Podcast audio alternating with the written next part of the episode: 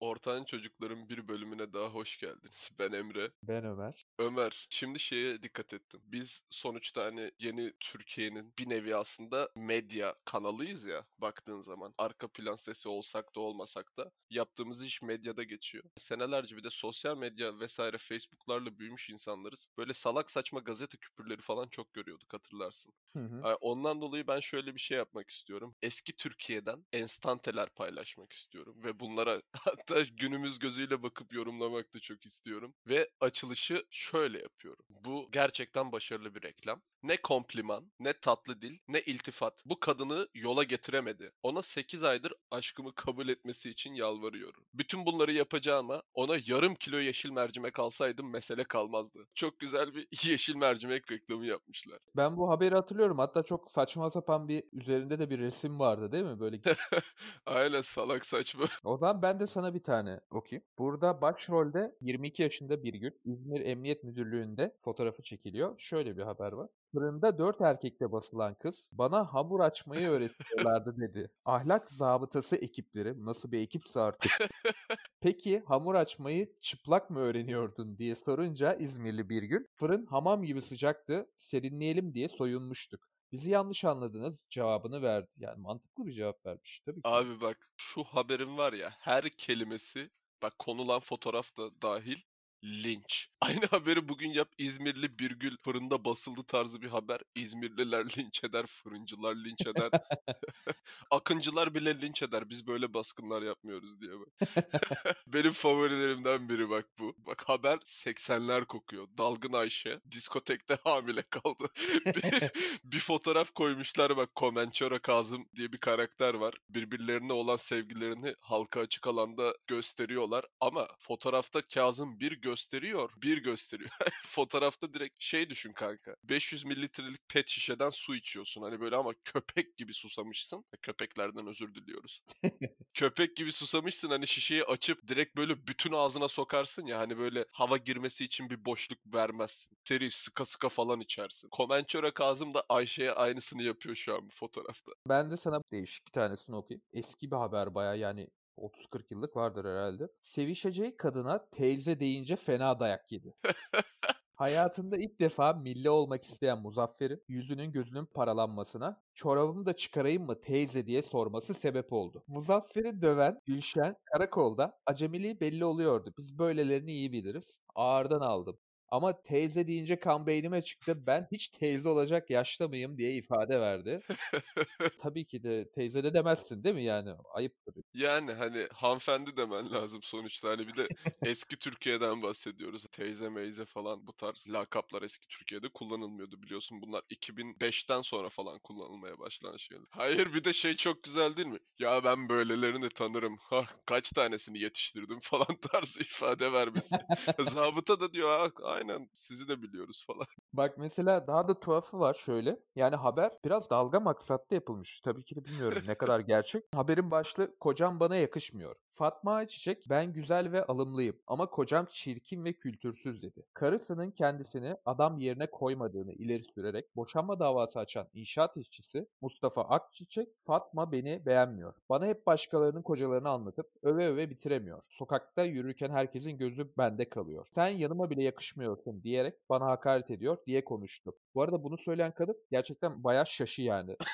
altına, altına da kısa bir başlık atılmış. Çok hisli bakıyor.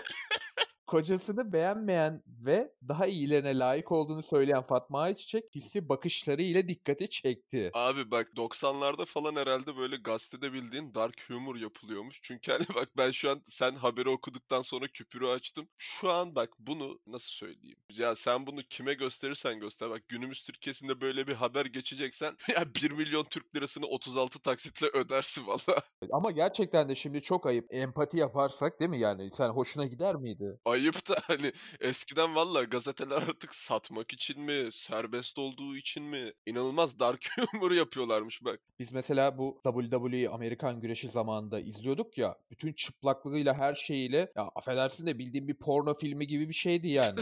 hani şimdi PG-13 diye bir şey çıktı. Adamlar hani değil o tarz şeyler öpüşmek bile yasak çünkü Küçükler izliyor en basit. E kardeşim biz de 2000 yılında küçüktük biz insan değil miydik? Peki şuna ne diyorsun? Tuhaf bir adam. Başlık şöyle. Eşinin çeyizini yedi. Psikolojik rahatsızlık nedeniyle 24 yıldır yün, orlon ve kadife parçaları yiyen Samsunlu Atilla Nuran'ı çeyizini yedi diye eşi terk etti. Battaniye yedi diye patronu da kovdu. Yani tekstil atölyesine falan versen herhalde Kanka mahveder ortalığı. şirketi batırır zaten. Bak bu pika hastalığı. Bu şöyle normalde hani bir aydan uzun falan böyle topraktır, ne bileyim saçtır, kağıttır falan böyle bir aydan uzun devamlı istikrarlı falan yiyenlerde böyle görülen bir şey bu. Ama normalde bir çocuk hastalığı yani. Baya adam tedavisiz bir pika hastası büyük ihtimalle. Bir de gazeteye fotoğraf koymak için eline bir top yün vermişler, yedirtmişler yani.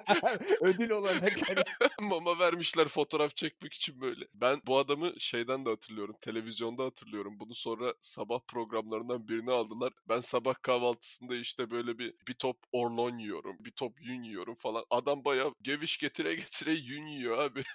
Tanesini yedi diye patronu kovmuş. işte çeyizi yemiş. Abi çeyizi neden yiyorsun? Git vallahi hani bir milyoncu da vesaire de artık örgü malzemesi nereden alınıyorsa hani Hı hı. yemek alacağına direkt onları al ye. Ama bak bu gazete küpürleri inanılmaz psikodelik fotoğraflar, kullanılan stok fotoğrafları, özellikle böyle eskiden kalma açıklamalar falan aç aç gül yani gerçekten hani biraz daha özgür bir ülkeymişiz medya konusunda o zamanlar ama bak bunun da en büyük örneği son örnek olsun hatta bu da. Bunu direkt Google'a yazdığınızda bulabilirsiniz. Gerçek bir TRT1 reklamı bu. Çatıyı izocamla kaplattık sağ olasın Aytencan diye. Abi direkt haber nude. Hanımefendi galiba Aytencan. Güzel bir isim. Hiç duymamıştım Aytencan diye bir isim. Ayten'i duydum. Can zaten benim ikinci ismim. Bak abi bayağı bildiğin hanımefendi gördüğümüz kadarıyla üstü çıplak bir şekilde sağ memesinin ucunu kel bir arkadaş kapatıyor kafasıyla.